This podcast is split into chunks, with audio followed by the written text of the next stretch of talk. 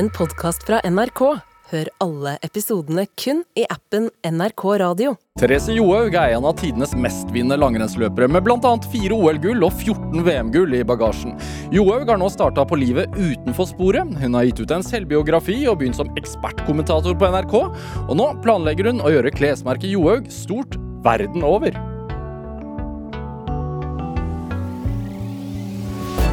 Dette er Drivkraft med Vegard Larsen i NRK P2. Therese Johaug, velkommen til Drivkraft. Tusen takk. Hvordan har du det? Eh, Jeg har det veldig bra for tida. Ja. Ehm, Det er jo Det har skjedd eh, store endringer, da, i livet mitt det siste året. Altså, hvis vi spoler år tilbake, så satt jeg i eh, Beijing og levde litt sånn på isolat, munnbind eh, og kjempa om OL-gull. Eh, og i dag så sitter jeg her og er gravid. og har slutta på ski. og lever et ganske annet liv, kan man si, da. Ja. Hvordan er det? Det er eh, Jeg er veldig glad, og sånn magefølelsen min sa jeg fortsatt i dag at eh, det var helt rett å gi seg på ski. Eh, og så er det jo klart at eh, nå når det begynner å nærme seg VM, eh, så kjenner jeg jo på en måte at eh, han savner litt den derre konkurranselysta, eh, evnen til å ta seg ut. Det er å lete opp den siste formen, finjustere små detaljer for å lykkes, da. Eh, men eh, Men så har jeg kanskje eh, oppnådd det aller største i livet mitt. Det er på en måte nå at jeg er gravid. Eh, og det overgår jo alle gulla eh, mine i hele karrieren. Mm. og gleder meg til og gruer meg til det jeg går i møte. Jeg vet liksom ikke, Når jeg snakker med venner og kjente og familie og sånn, så var det sånn Ja, det blir sånn og sånn, og du må forberede deg på bare sånn «Ah, Hva er det jeg går til? For liksom du føler på en måte at det er en verden foran deg. Og så har du liksom egentlig ikke peiling på åssen det blir. Ja. Jeg har to. Eh, en på fire og en på, på to, og han på to, snart tre, da. Han ville ikke legge seg i går, og han våkna klokka fem, så sånn blir det. og, det og det er når de begynner å bli store. Ja, ikke sant? Ja, det er jo på en måte uh, det en ikke helt vet, da. Hva, hva på en måte den fremtida bringer oss ned, og, og få en øh, ny sjef uh, i huset. Um, og det, det skal jeg liksom være veldig ærlig på, at eh, jeg lurer på åssen jeg blir eh, som person da. For jeg har på en måte vært vant til å styre hverdagen min sjøl, gjøre akkurat det jeg vil til hver ei tid. Em, ha på meg joggeskoa og springe ut i skøyen. eh, Kaste meg med på, på ting. Uh, uh, og nå så eh, må det planlegges, i hvert fall. Ganske mye mer, da. For å på en måte kunne gjøre det samme. Hmm. Har du noen forbilder som du tenker at de, de er, er de nye forbildene mine nå inne i den nye rollen min? ja. Altså, jeg har jo sett uh, Marit Bjergen er jo veldig, veldig god venninne av meg, Mm. og har jo nå to gutter. Og eh, jeg har òg flere andre venninner som, som er, er aktiv, liker å trene og, og finne på ting, og, men allikevel prioriterer vennene sine og og at ikke familien blir altoppslukende, da. Eh, og det, det syns jeg er veldig fint og bra, og det tror jeg vel, blir veldig viktig for, for min del òg. Når man legger opp eh, etter en såpass lang karriere eh, som du har hatt, hvor da, som du sier at du er vant til å styre dagen din selv, men du har jo også et stort støtteapparat. Det er alltid dette konkurranseelementet i horisonten. Hvor opptatt er man av at når man den dagen man legger opp Ok, nå skal jeg i hvert fall fylle tiden fremover med noe annet for å, som et substitutt? Ja, altså Det er jo klart at uh, Jeg fikk jo kjenne på det i sommer. Når, du, når du la opp i vår, og, og den derre følelsen av at uh, du slapp å være egoistisk hele tida. Hvordan da? Eh, nei, altså sånn, Når du på en måte har eh, satsa, eller uansett hva du gjør, da, eh, om det er jobb eller studier, eller om det er en toppidrettskarriere, så må du være vanvittig strukturert for å lykkes. Og det kommer foran alt? Og det kommer jo på en måte foran alt. Og da har på en måte jeg følt at eh, jeg har kanskje sett til side litt sånn eh, venner, familie, kjæreste. Eh, og tenkt liksom litt på meg sjøl, da. Jeg har jo på en måte prøvd å liksom ha det andre, andre blikket òg, og ta vare på dem. Eh, og det, jeg føler jo at jeg har gjort det òg, men samtidig kanskje hatt litt sånn eh, dårlig samvittighet eh, når du må si nei til ting og eh, ja, må prioritere den økta fremfor å å være eh, være ute lenger eller være med på den middagen. Eh, eller impulsivt si ja til ting. Er det dårlig samvittighet involvert? Ja, det er det jo. Um, fordi hvis du har en vennegjeng som skal ut og ete middag, og bare sånn 'Hei, vi skal ut og ete i morgen, har du lyst til å være med?' Og så bare sånn Nei. Mm, For, Jeg skal ha hardøkt liksom? ja, jeg skal hardøkt eh, på dagen etterpå. Og jeg kan ikke, jeg har vært sliten i siste, og eh, som toppidrettsutøver så lever du jo òg av kroppen din. Mm. Eh, vi kan ikke gå ut på trening eller eh, ha en hardøkt hvis vi er litt sjuke eller hvis vi er sliten eller vært det over lang tid, da. Eh, så går det på en måte utover prestasjonen vår òg. Eh, fordi vi lever av kroppen, rett og slett. Altså alt må funke. Mm. så um, den har kjent litt har kjent litt på den samvittigheten opp gjennom ganske mange år. Men det var det som var så bra i sommer, fordi ok, jeg trente, men allikevel så bare sånn Hvis det var var en venninne som var sånn «Hei, 'Jeg har så lyst til å reise til Frankrike neste uke.' Jeg var i sommerferie. Og bare 'Er du keen på å være liksom? Altså, jeg bare ja. Nei, hvorfor ikke, liksom? Altså, jeg skal ikke noen planer. Og kunne slenge seg med på sånt. Det kunne jeg aldri i verden gjort, liksom, i en, i, i en toppidrettskarriere. Eller eh, ei anna venninne som skulle på Stavernfestivalen og bare 'Du, vi skal reise dit. eh, Du må bare bli med hvis du vil.' Og så bare sånn ja, nei, Nils Jakob jobbe, jeg skal egentlig bare være hjemme. Ja, men fader, jeg blir med. Og den følelsen der har jeg jo ikke kjent på før. Så det var en veldig god følelse, da. Det en, har det vært en tomhet? Eh, hva tenker du på? Nei, sånn Mange toppidrettsutøvere snakker jo nesten om det etter at de legger opp nærmest som en sånn kjærlighetssorg. Sånn Ja, ikke, eller Mener du tomhet for at jeg ikke kunne gjort andre ting, eller tomhet for at jeg for at det er over. eh, og ja, for, at, for at karrieren er over? Ja. Eh, ja, but, ja but, but, Nei, egentlig ikke. For jeg føler liksom det har skjedd så mye det siste året. Ja. Sånn fra på en måte å, å legge opp i vår ehm, Hvor viktig er det å legge og altså ha masse å gå til? Jeg tror det er viktig, da. At uh, du på en måte uh, At ikke liksom hverdagen din blir helt tom, men altså du på en måte kan sysselsette deg sjøl eller komme inn i et annet miljø. Um, og der er jeg jo utrolig heldig som har en fantastisk gjeng på, på Johaug, som jobber med merkevaren min, som det er jenter som må er blitt eh, veldig nære venninner av meg. Um, og at jeg faktisk uh, har de dyktige, flinke folka å, å kunne reise til og, og lære masse ting av. Eh, og fylle hverdagen med, da.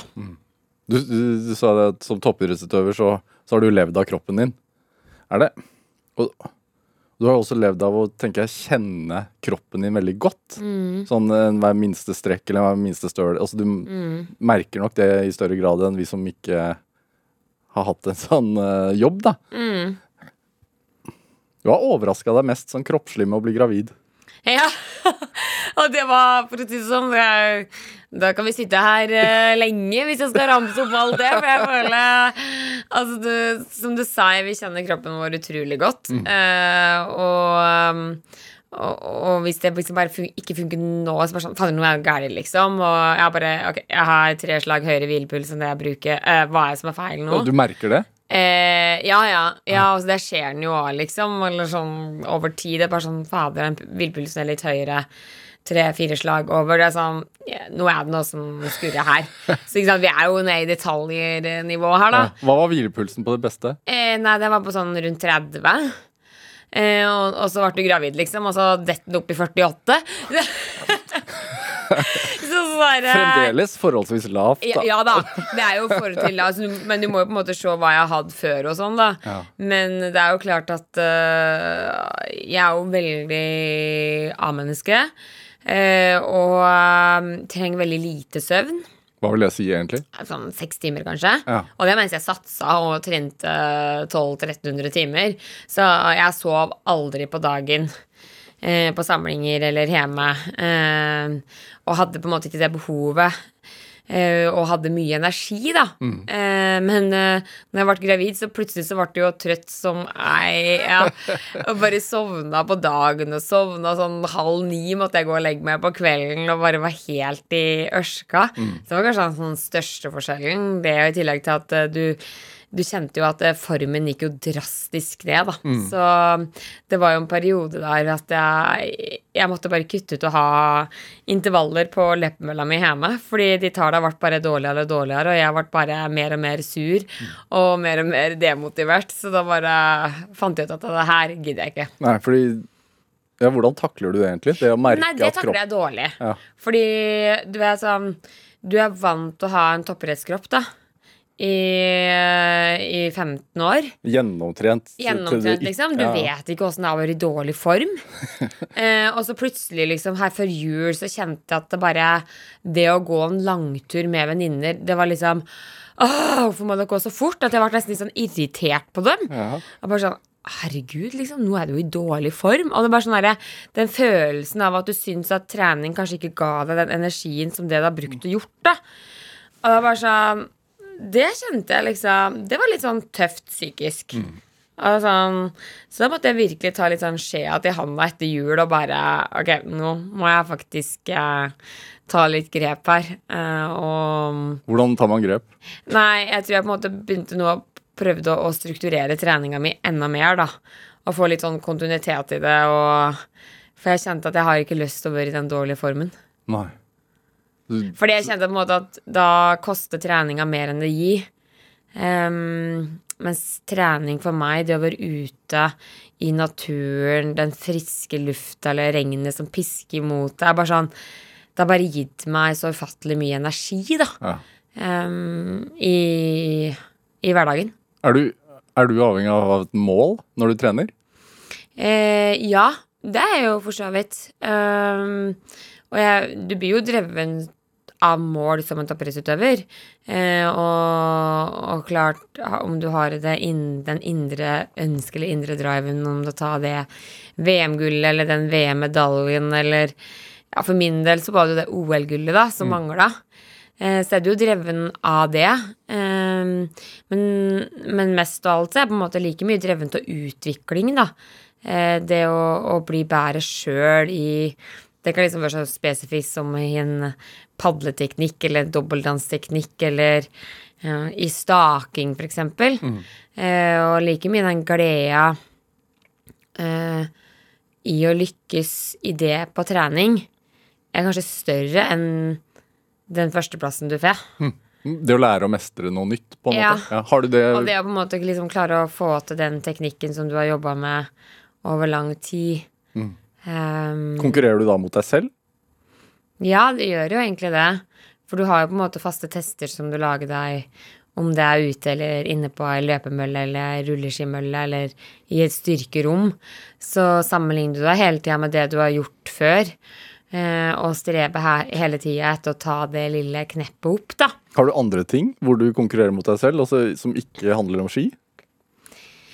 Eh, nei, men jeg er jo sånn generelt konkurransemenneske, da. Hva vil Så det si? jeg hater jo å tape om det å spille yatzy eller ludo eller eh, Jeg må nesten ta meg sammen når jeg spiller med tantebarna mine på fem og sju år hjemme, ikke sant? At, dere, at jeg ikke blir sur. Ja. Dårlig taper? Eh, Nja, nei, altså sånn Men det skal, være, det skal være rettferdig, ja. Det skal det. Men hva er det du trener mot nå, da? Målmessig? Nå så er det jo på en måte føler jeg står litt sånn i vakuum, fordi du på en måte har den eh, ja, graviditeten, da, som du må ta hensyn til hele tida, og, og du har på en måte ikke noe et mål om at uh, jeg skal ta det VM-gullet eller det OL-gullet. uh, men, uh, men målet mitt nå er kanskje mer sånn hverdagslige mål. At jeg har lyst til å ha to intervaller i uka, eller uh, trene hver dag. Bare de sånne, sånne små ting, da. Mm, og så har jeg jo på en måte lyst etter hvert å kanskje prøve å springe en halvmaraton eller maraton, da. Har du begynt sånn nesting? Sånn å kjøpe inn masse utstyr og sånn? Mm, hva men, med tanke på Baby? Å, nei, vet du ikke. Nei, det har jeg ikke. For liksom eh, mitt Eller får liksom alle venninner bare sånn Du trenger minst mulig. Altså ikke, ikke gå i fella og kjøpe alt sånne rare ting. Eh, bare Bare liksom Det du trenger, er barnevogn og barnesete. Ja. En vippestol og en bæresele. Egen søppelbøtte for uh, brukte bleier og sånn eh, kan man få kjøpt. Ja. ja. Nei, nei, jeg har jeg har ikke Ikke- gått til innkjøp av det enda, altså. Ikke, ikke gjør det. Nei, nei. Så jeg, jeg tror på en måte at det er minst mulig um, Det er liksom det, det beste rådet jeg har fått. Da. ja. Dette er Drivkraft med Vegard Larsen i NRK P2. Og i dag er uh, tidligere langrennsløper Therese Johaug her hos meg i Drivkraft på NRK P2. Er det vondt når jeg sier tidligere? Ja, det er litt sånn Jeg har sagt det flere ganger. Bare sånn, jeg har tidligere toppidrettsutøver, liksom. Bare sånn ja, Det er liksom Det er litt uvant, må jeg si. Har, har 'Mesternes mester' ringt? Eh, eh, ja, ja, ja. Altså, det var dagen jeg la opp det, så Var det for tidlig? Eh, eh, nei, så De ringte meg før jeg la opp. Eh, og bare sånn 'Hvis Therese legger opp nå, kan hun være med på 'Mesternes mester'?' Og den dagen jeg la opp i Kollen, så hadde manageren min fått eh, forespørsel av 'Mesternes mester'. Farmen, eh, 71 grader nord, eh, og Skal vi danse, og Maskorama. Altså sånn derre alt, alt, skulle, alt skulle med, da. Ja. Istedenfor så Du takket nei til det, da, og så skrev du en selvbiografi i stedet. Ja, stemmer. Hva, hvorfor? Hvorfor det?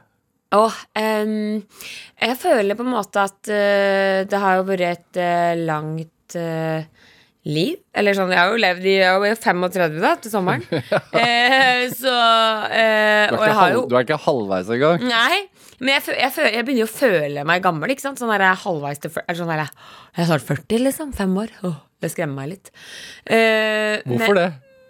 Ah, jeg bare føler at liksom Desto eldre jeg blir, desto fortere går tida. Syns ikke du?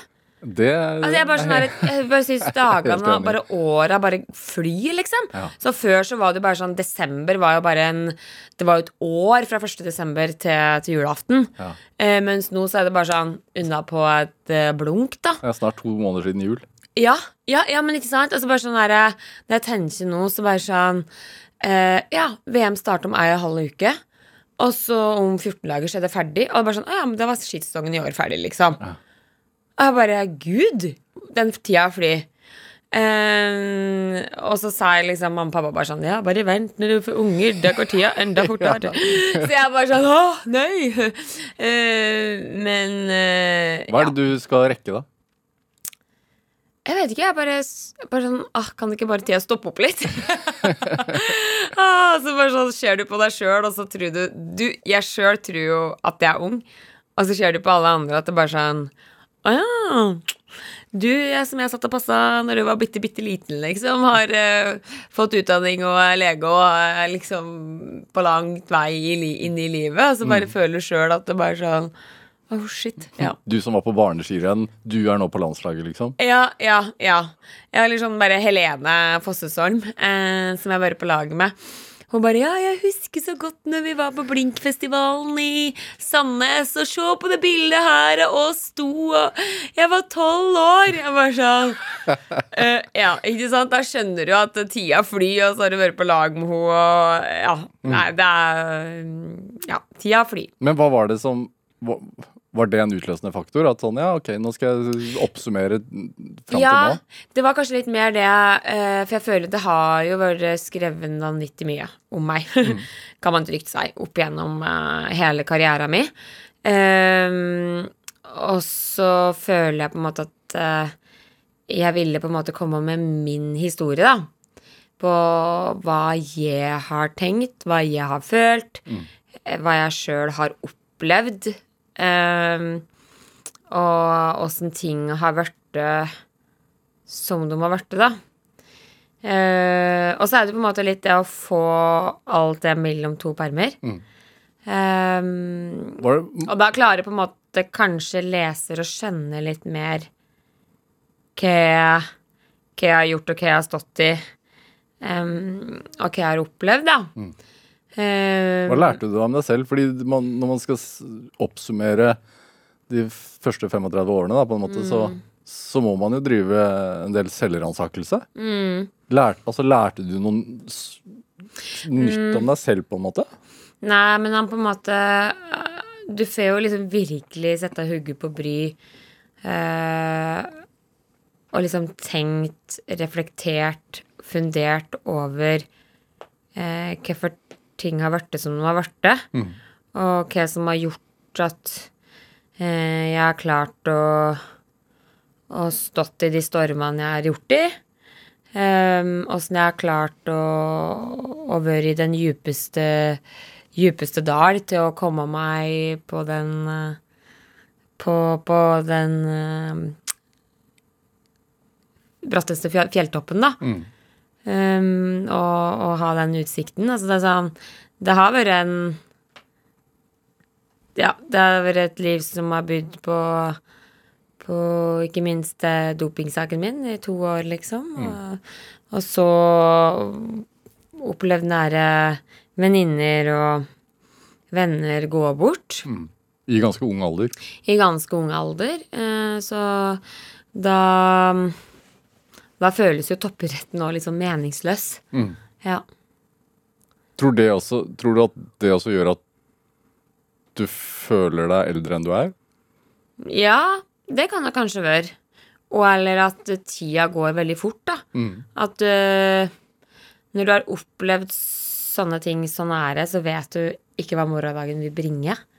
Um, og det var kanskje litt det eh, til sjuende og sist var litt den avgjørelsen på at jeg la skia på hylla i år. For eh, jeg var jo ikke lei. Ehm, og jeg var ikke lei av å trene. Um, for mange gir jo seg på en måte på i det stadiet at de bare føler at de har idretten sin oppi her, og at de ikke har fått ut uh, sitt beste potensial. Eh, og bare sånn jeg, vet ikke, jeg, jeg orker ikke å bli nummer 10 eller 20 lenger. Nå har jeg lyst til å finne på noe annet. Du kunne fremdeles hevda deg. Ja, altså, jeg ga jo meg på topp, Ja. så det var på en måte ikke det som var en faktor for min del. Men det som var faktoren for meg, var på en måte at eh, ja, jeg er 34. eh, Jeg blir 35 til sommeren. Jeg har lyst på familie. Eh, Hva om jeg ikke får familie før om Altså, du vet jo aldri før du prøver.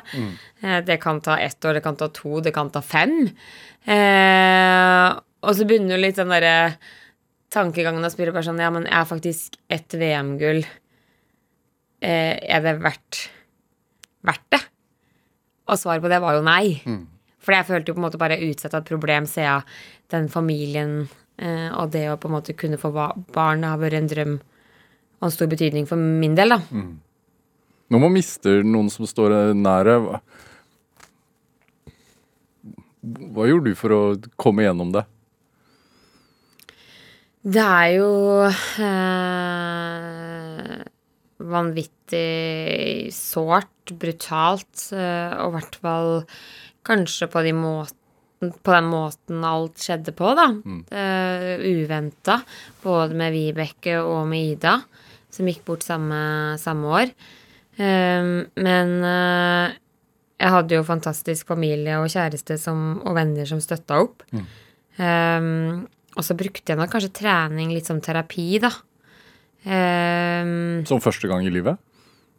nei, jeg tror jeg på en måte at eh, jeg har søkt veldig mye terapi i trening, i å være ute i frisk luft. Uh, og på en måte bare la tankene fly. Uh, og bare oppleve den uh, stemninga eller atmosfæren i å springe i skogen og det var de fuglene som kvitrer og kommer springende på den smale stien som åpner seg mot et eh, vann, og det er bare sånn mer luft, da. Um, ja, en slags sånn terapi. Um, I stedet for på en måte å sitte inne på et rom og stirre inn TV, eller bare ligge på en sofa og se i taket. Eh, så tror jeg på en måte har veldig mye med ja, de impulsene du får ved å være ute, da. Og svette litt, og at de endrofinene popper litt i kroppen. Når man opplever sånne ting, så blir det jo Det blir jo Det blir jo arr. Det, det er jo der alltid, men, men hvordan, altså Man må jo sånn velge å, å, å, å gå videre også. Hva Var det å konkurrere en hjelp i det? Ja, eh, trening eller sånn konkurranse og det du sjøl holdt på med, virka jo veldig meningsløst. Når du begynte, og, og på en måte klart eh, De dødsfallene her kom etter to år, dramatiske år, hvor jeg hadde opplevd mye. Eh, som jeg aldri hadde kunnet forutse at jeg skulle få oppleve, da. Som bare kom kasta litt i fanget på meg. Så du havner jo litt i sånn derre Du får nesten litt sånn angstfølelser um, i en periode der, når, fordi du er så redd for at eh, folka rundt deg eh, blir borte, eller plutselig noe skal skje uventa, da. Eh, og det er kanskje det som er det vondeste, at du bare Klarer du på en måte å forberede deg på ting, så er kroppen og hugger jo litt mer innstilt på det. I forhold til hvis noe kommer bare kasta opp i fanget ditt. Hvordan er det nå, da? Mm, nei, nå så går det fint, men nå har jeg på en måte fått det litt mer på avstanden og sånn. Men uh, der og da så var det jo veldig mye vonde beskjeder som kom uh, hele tida. Eh, og um, fra liksom jeg fikk den dopingdommen, eller fra jeg fikk den første brevet, da, så, og første samtale med mamma, så var på en måte Vet du hva, det, Therese, det her skal du klare å komme deg gjennom, liksom. Altså, du har eh, alle, alle som er glad i deg, har du rundt deg. Det er ingen som er død, det er ingen som har gått bort. Uh, uh, det her skal vi klare sammen. Og så var det jo på en måte kanskje det håpet jeg brukte gjennom de to åra, da. At det bare Ja, men herregud, ok, det her er en sak. Jeg fikk ikke konkurrert. Nei, greit, jeg skal gjøre det beste ut av det. Jeg skal trene så mye som mulig. Jeg skal slå hardt tilbake. De nærmeste Jeg- vet sannheten, liksom? Ja, jeg skal vinne det første VM-gullet. Jeg skal vinne den første worldcupseieren. Jeg skal vinne det første skirennet jeg går. Var, du, var det sinne som drev deg litt da? Ja, det var en slags sinne, da, fordi eh, Og en litt sånn Vet du hva, jeg skal faktisk vise folk at jeg skal stå i det. Fordi jeg, jeg innerst inne visste at jeg aldri hadde forsøkt å jukse. Eller eh, aldri eh, Jeg visste liksom at jeg hadde en stålsøyla inni meg, da. Og bare eh, Og jeg visste hva som hadde skjedd, og at det som hadde skjedd, hadde jeg sagt. At jeg hadde ikke noe mer på hjertet. Eh, Jeg har sagt hele sannheten fra første dag. Eh, og, og det skulle jeg stå i, liksom. Distanserte du deg fra alt som ble skrevet, og så lot du være å lese ting? Ja, jeg gjorde egentlig det, for jeg bare kjente at eh, eh, det er jo veldig mye meninger eh, og kommentarer og på ting, og så vet du at folk vil det vel, og folk vil det ikke vel. Sånn er det liksom uansett hva du gjør, da, så vil du på en måte ha noe som er veldig positiv eller veldig negativ. Eh, og da måtte jeg liksom virkelig hente opp, hente opp meg sjøl og bare sånn Hvem er jeg? Hva er det jeg står for? Um, for verdier er det jeg har fra gården hjemme i Dalsbygda? Um, og um, jeg har liksom hele tida vært oppvoksen med at det er hardt arbeid over tid som gir resultater, da. Eh, fra min eh, mor og far og bestemor og bestefar og oldemor og oldefar, så har jeg på en måte sett at de har jobba døgnet rundt, da, for å få ting til å gå rundt på gården hjemme. Mm. Er det derfor også du begynner biografien din på Setra? Ja, det er jo egentlig det. For jeg føler på en måte at mye av verdiene eh, som jeg har tatt med meg hjemmefra, ligger der. Det ligger i at eh, skal du lykkes i livet, så eh, du, er, du er deg sjøl din egen lykkes med, da. Du er nødt til å gjøre den jobben, og du er nødt til å si opp om morgenen. Em, du er nødt til å brette opp armene og, og virkelig gjøre en innsats for å lykkes. Dette er Drivkraft med Vegard Larsen i NRK P2. Og i dag er en av tidenes mestvinnende langrennsløpere Therese Johaug her hos meg i Drivkraft eh, på NRK P2. Eh, Selvbiografien din, eh, hele, hele historien, starter jo på, på, på setra. Og hvem er Lit, Littelbudeia? Ja. Lichbudeia. Li- Lich. Lich. Lichbudeia. Ja. Ja. det er litt morsomt nå, for nå kaller vi jo hun jenta inni magen min for Lichbudeia. Så det går i arv? Ja, det går i arv. Ja, det var deg, da. ja, det var meg. Ja. Ja. Nei, altså eh, Lish, altså Budeia Budeia, det var jo Mommo, da. Og så var jeg Lish, Lish-Budeia. Det er sånn dialektord hjemme, da. Lille Budeia. Mm. Ja, fordi Altså, Du er fra Dalsbygda, Ja. men den setra, hvor er den? Den er jo i Dalsbygda. Det er bare sånn åtte kilometer litt lenger nord i Dalsbygda. Ja. Så jeg har jo på en måte oppveksten der på, på, på sommeren, da. Det var, det var liksom stor glede når, når våren kom og, og fuglene kvitra og eh, det var flytting av dyr, da. Ja. Fra Kyr, eller? Ja. ja. kyr, ja. Fra uh, fjøset hjemme og, og på setra. Uh, så tror jeg kanskje det var noe med det Der fikk jeg lov til å være sammen med bare Mommo, og fikk mye alenetid med hinna. Hvorfor var det viktig?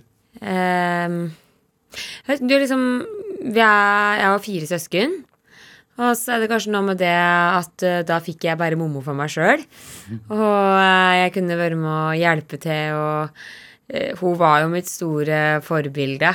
Og jeg så jo opp til henne på alt hun gjorde, ikke sant? og bare drømte om at en dag skal jeg kunne klare å sette på den mjølkemaskina på den kua, eller vaske det mjølkeanlegget. Sånn, alt var sånn derre Det var jo sånn, sånn stjerner i øynene for meg på alt hun, hun gjorde, og at forbildet med med å liksom opp kvart på fem hver morgen. Eh, og jeg kan liksom bare Jeg kan hate øynene her nå, og så ser jeg for meg liksom at jeg bare våkner av kubjøller som, som eh, dingler på jorda, og du du stiger opp til senga, og så ser du ut eh, ruta ned på vannet, og kyen som liksom går opp mot fjøset, og mommo som holder på ned og fyrer opp i peisen, og setter på tekokeren og, og lage kornmorkjeks med, med brunost da, og nypete, som vi drakk hver, hver dag og åt før vi skulle til fjøset, da. Er det er ikke, Har ikke vurdert å flytte hjem, da? Ja, altså sånn eh, Det er på en måte Det er veldig godt spørsmål. Eh, og så har jeg nå bodd i Oslo i elleve år, eh, og jeg ser jo bare mer og mer hvor fantastisk heldig jeg har vært, da. Som har fått lov til å, å vokse opp i så trygge omgivelser som jeg har gjort hjemme. Eh, på en gard, med dyr. Eh, hvor alt på en måte er litt mer Du kan senke skuldrene litt mer. Det er ikke det kjaset, det er ikke det maset, det er ikke den trafikken, biler, styr eh, som det er her i byen, da. Hva skjer med deg når du reiser hjem nå? Jeg, kjenner jo at jeg kjenner på den samme, samme følelsen. At du bare sånn, du senker skuldrene, og det går i sånt mye, mye mer langsommere tempo. Eh, og skal du en plass og vet at du tar fem minutter, det er ikke noe kø. Altså, kø eksisterer jo ikke. Altså, sånn, Dalsbygda er jo lita fjellbygd langt nord i Østerdalen på rundt 400-500 stykker. Så det er jo ikke så mange som bor der, og alle kjenner alle. Og det er jo på godt og vondt. Eh, og så er det jo klart at byen har mye som Dalsbygda ikke har òg, da. Eh, og, og er positivt på mange andre områder òg, så Hva er det beste med byen, da? det var kanskje litt mer at du kan føle at ikke alle hele tida vet hva hver tid hva du gjør, da. At, eh, kanskje, det er kanskje ikke jeg rettet oss her, eh, men, eh, men er å mye mindre, mye mindre grad da enn det det hadde vært hvis jeg hadde vært i Dalsbygda, liksom. Ja. For da, er sånn der, da vet de jo fargen på bilen min. Og liksom Ja, der kjører hun nordover veien, liksom. Eller eh, ja, bestefar liksom satt ha- det, det er så ekstremt i Dalsbygda folk sitter jo kikkert og kikker Ja. hvem som holder på å fære opp i veien. Så du- når du er på butikken her, så tror du ingen ser? Eh, butikken i Dalsbygda, så, så vet du jo Da blir det jo Da må du jo bruke Da må du sette av to timer, da. For da, for da skal alle sammen snakke, og det er jo kjempekoselig, liksom. Eh, men eh, i Oslo så kan du på en måte gli litt mer inn i mengden, fordi det er mange andre også som har et litt kjent ansikt her, da. Mm. Ja. Men, men hvordan er det å Siden ting går litt uh, i litt uh, lavere tempo, da. Hvordan ble du en slik en Duracell-kanin? ja. Nei, altså Jeg tror jeg hadde veldig mye energi fra jeg var lita. Og um, Men så tror jeg på en måte òg at jeg liksom ja, jeg vokste opp med å ha sett at uh, mine foreldre har stilt opp tidlig, og, og, og Hva drev de med da du kom til verden? De drev uh, gard. Ja. Ja. Og mamma jobba på sykehjem i tillegg, da. I tillegg til å jobbe i fjøset. Så hun var liksom Enten så var jeg i fjøset, og så på sykehjemmet, og så i fjøset. Eller så var hun eh, liksom Ja. Eh, og pappa liksom er fulgt med alt traktorarbeid og alt det som medfører med en gard ute, da, i tillegg til, til, til fjøset. For det er jo Så dere ungene hadde mye tid til dere sjæl, med andre ord? ja, men vi var jo med på alt, ikke sant? Vi, var, vi måtte være med i fjøset og hjelpe til. Vi måtte være med Hvis pappa kjørte møkk, så kunne vi hoppe opp i traktoren og sitte på og kjøre oss med han. Mm. Eller eh, silolegging på sommeren, så var vi på silokummen og lempa silo. Og, og pappa kjørte liksom til og fra mens bestefar holdt på og treska kraset opp i vogner. Så vi har jo Det var på en måte at alle sammen var med på alt.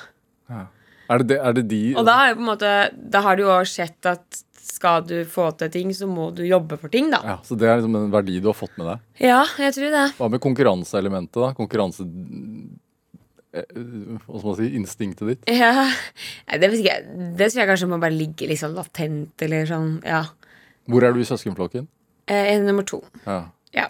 Så det er jo på en måte i Darsby òg, så er det jo Alle driver jo på med idrett. For det er ikke noe annet å finne på. Eh, så det var liksom eh, fotball på sommeren og langrenn på vinteren. Når ble du forelsket i langrenn? Oi. Mm, jeg lurer på om jeg kanskje var sånn 12-13, kanskje. Ja.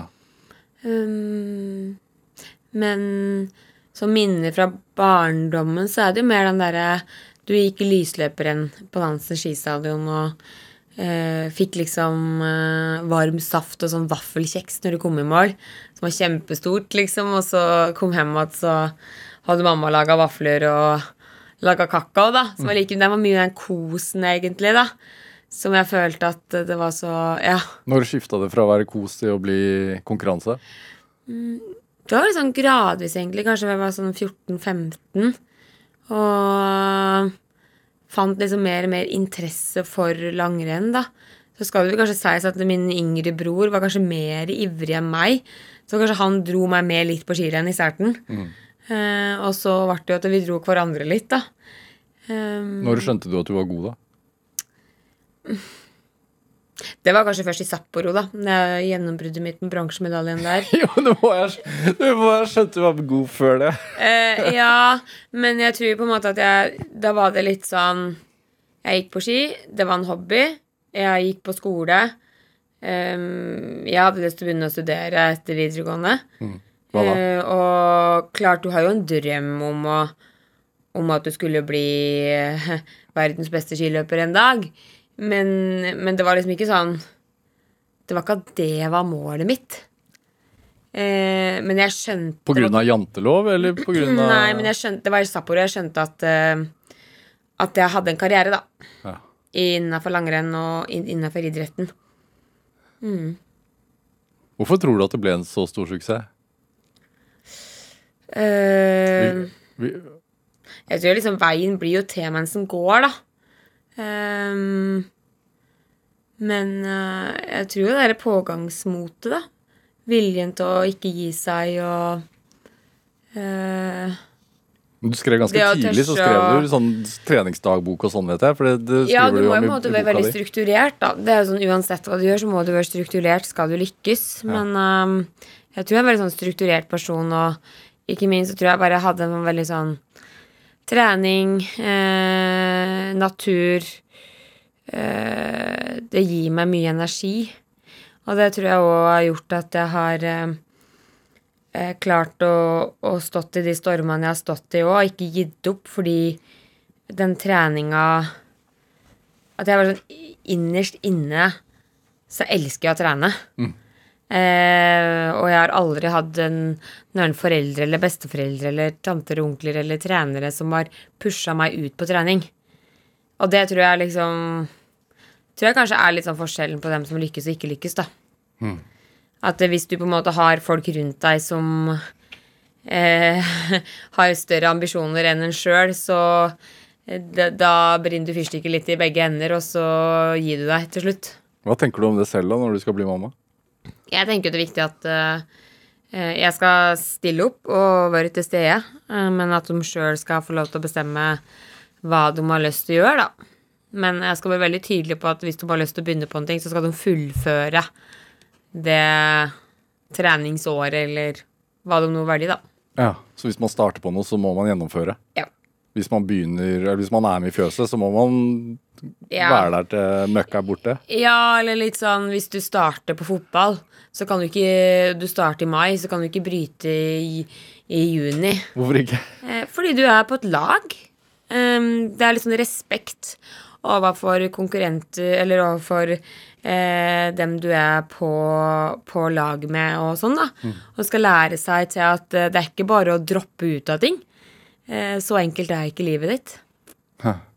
Det tenker jeg det er sånn viktig. Er det en mentalitet som har vært med deg hele veien? ja, men det er en mentalitet mamma og pappa hadde med oss. At det bare er sånn, ja, du skal få lov til å være med på Jeg husker min bror hadde lyst til å spørre holde på. Ja, greit, du skal få lov til å være med på håndball, liksom. Men du har det og det og det. Og han bare ja, men jeg vil være med på håndball. Ok, vi stiller opp, vi kjører. Og så kom vi til januar, og så var han drittlei av å være inne hver helg i en hall. Men da var mamma og pappa veldig tydelige på at vet du hva, vi har betalt medlemskontingent, du har et lag, du har forpliktelser, du har sagt ja at du skal være med på det året her. Du har å fullføre. Og, og det tenker jeg litt sånn Du kan ikke komme som en tolvåring og være sånn 'Jeg har ikke lyst til å gå på skolen'. Nei. Du må jo fullføre. Streng? Er du ikke enig? Jo, jeg er enig, men man må jo få lov til å prøve ut noe, da. Ja. Nei, Jeg er litt sånn Hvis de på en måte vil, så føler jeg at eh, det er en forpliktelse å stille opp til det du har sagt ja til. Så kan det- du droppe ut etter det året, da. Ja. Det kan du få lov til. Men har du det sånn på andre sider i livet også? Sånn som nå når du er, blitt ekspertkommentator i NRK, eksempel. Mm. Som Jeg vet ikke hvor lang kontrakt du har, jeg, men uh, hvor lang kontrakt har du? Ja, ho, ho, ho. Det skulle du visst. Nei, nei, nei, nei men sånn men, men da har du jo sagt ja til det. Um, Ja, Du kan ikke bare droppe ut rett før VM. Nei. og sånn, nei, jeg blir ikke med, jeg. nei, Jeg syns ikke det var kult. Jeg. Nei. har ikke lyst til å være med etter VM. Jeg. Altså, så, sånn funker ikke livet. For Har du sagt ja til ting, så må du jo stille opp på ting. Ja. Ja. Dette er Drivkraft med Vegard Larsen i NRK P2. Og i dag er en av tidenes mestvinnende langrennsløpere Therese Johaug her hos meg i Drivkraft eh, på NRK P2.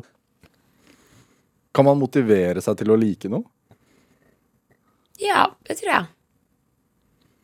Fordi Jeg tenker Når du går femmila, så må du jo kjenne på det eh, noen ganger. eh, Ja, jeg har for så vidt aldri gått femmil, Nei, men, men, sånn eh, Hvis man går lange distanser, da. eh, Ja. Da er du så i sona, på en måte. Ja. Du tenker ikke noe da. Nei, men når man tar den bakken for n-te gang på trening, da. Ja.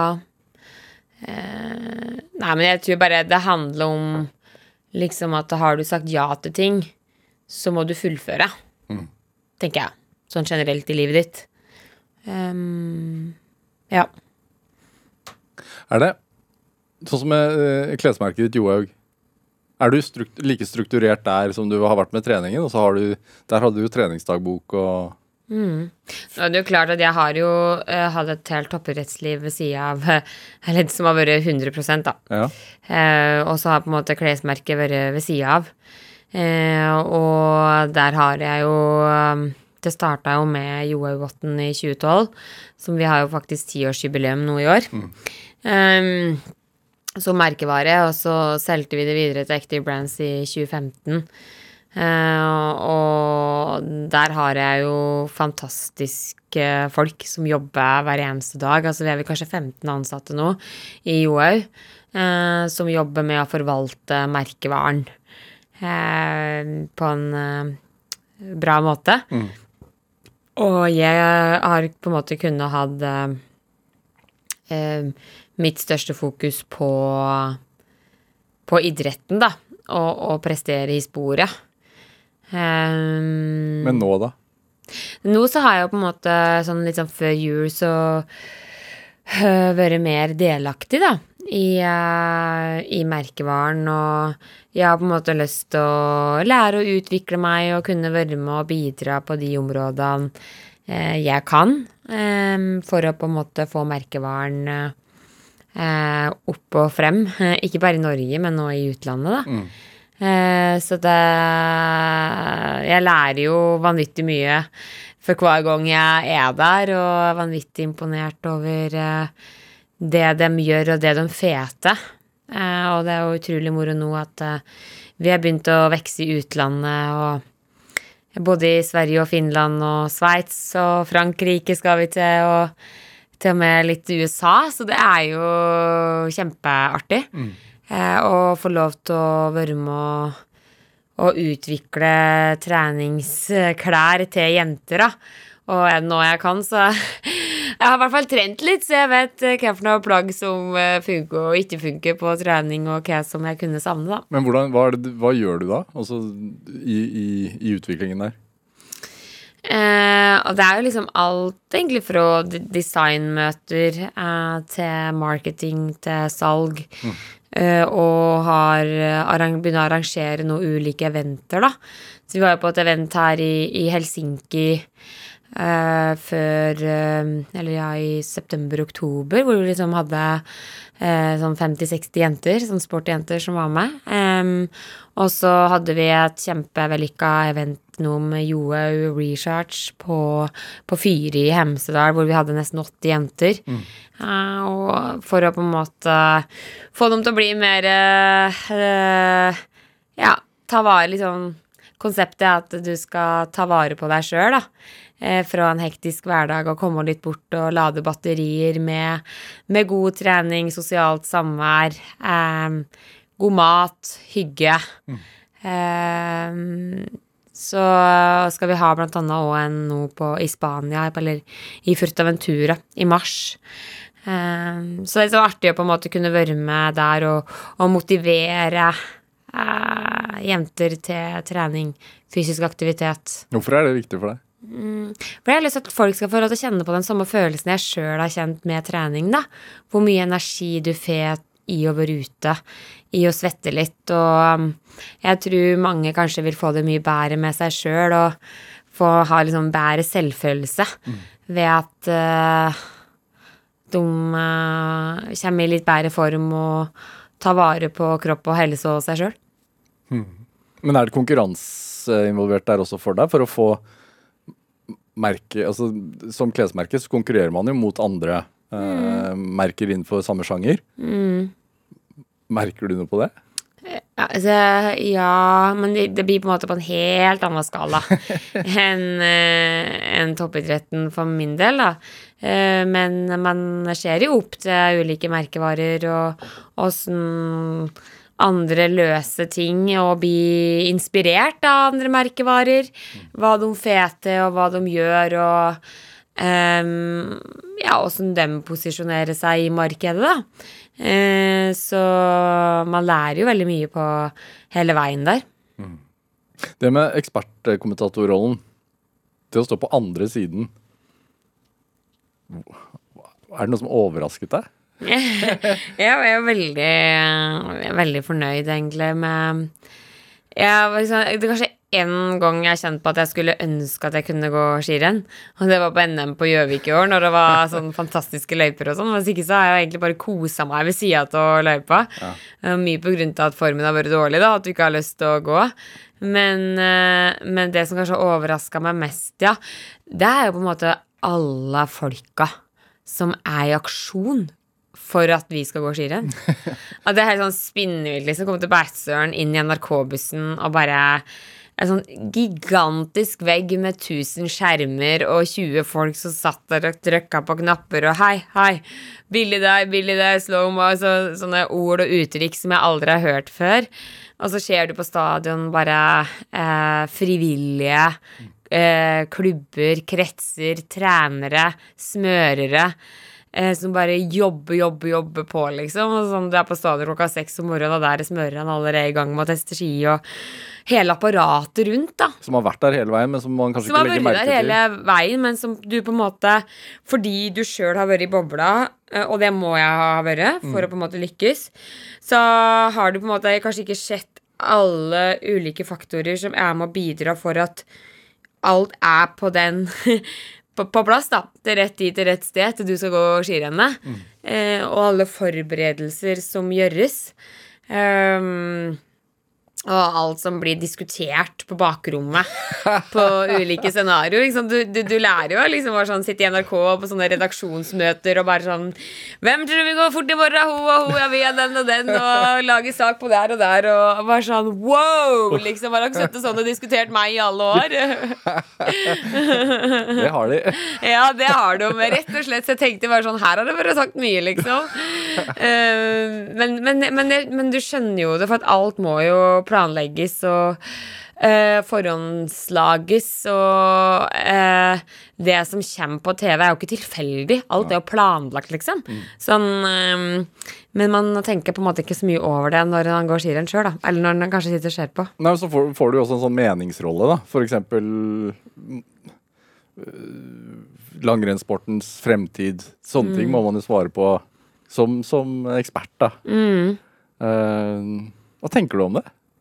Sånn i forhold til snømangelen som har vært nå. Altså, det er jo Jeg føler jo eh, Snømangel har vi hatt før og for mange år siden, liksom. Eh, og det blir det i fremtida, det. Og skisesong går opp og ned, men det er jo ingen tvil om at det går nedover. Eh, og at eh, det klimaet og miljøet eh, jeg må føre til at eh, det blir spennende å se om det er noe vintersport om, eh, om 200 år. Eh, men eh, men samtidig så, så er det viktig å ta vare på, på idretten og, og tida vi er i her og nå. Em, og prøve å minimere og minske på en måte ulike faktorer, da. Det er, det er på en måte viktig å være, være miljøbevisst, da. Hvor, hvor ser du for deg selv om fem år? Om meg sjøl? Oi, nei, da er jeg Da, er du 40, si. Da er jeg 40, si. ja, forhåpentligvis eh, så har den jenta her kommet ut, da. Um, og um, kanskje er det flere, kanskje ikke er det flere. Um, ja, jeg er veldig usikker. Uh, Er det første gang du føler på det? En sånn usikkerhet? nei, det er det jo egentlig ikke. Fordi du vet jo aldri hva som skjer. Mm.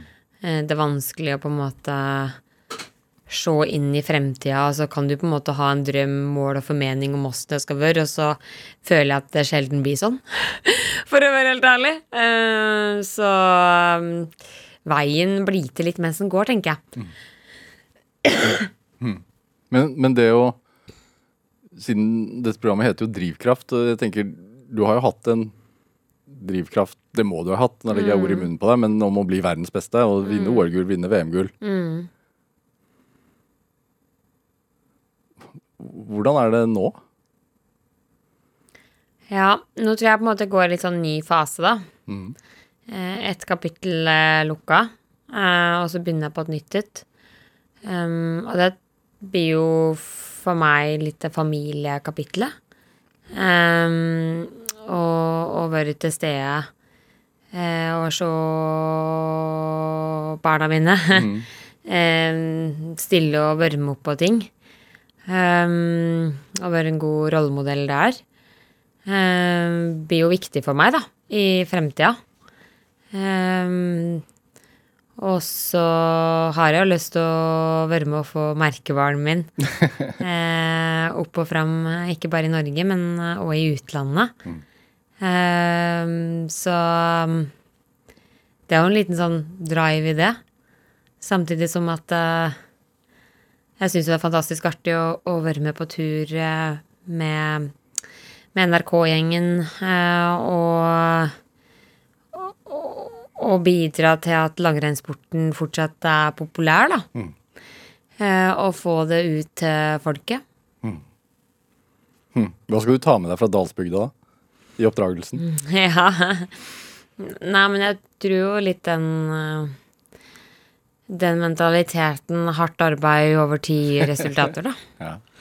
Jeg tror det er viktig å ha med seg at uh, man ikke får lempa ting opp i henda til hver en tid. Mm. Men at du må jobbe for det sjøl. for sånn er arbeidslivet. Blir baking. Hæ? Ja, baking blir det. Ja, ja. Du er fra bakefamilie, er du ikke? Jeg er fra bakefamilie, ja. Jeg er rett og slett det. Um, Therese Johaug, um, veldig hyggelig å ha deg på besøk. Takk. Uh, takk for at du ville komme til Drivkraft. Takk. Hør eh, flere samtaler i Drivkraft eh, på nrk.no eller i appen NRK Radio. Send oss eh, gjerne ris eller ros. Også tips til mennesker som du mener har drivkraft. Send den e-posten til drivkraft.krøllalfa.nrk.no. Vi hører veldig gjerne fra deg. Produsent i dag det var Ellen Foss Sørensen, mens Kjartan Aarsand bidro med research til denne sendingen. Men dette, dette var Drivkraft. Jeg heter Vega Larsen. Vi høres.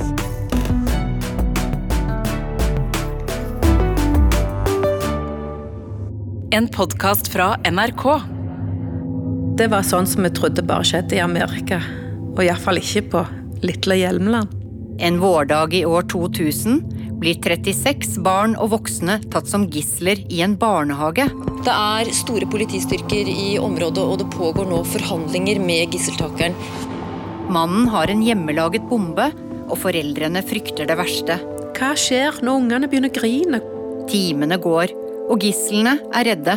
Han har faktisk tatt kontroll over mitt liv og alle de andre sitt. Vi har ingenting å stille opp med. Gislene i barnehagen hører du i appen NRK Radio.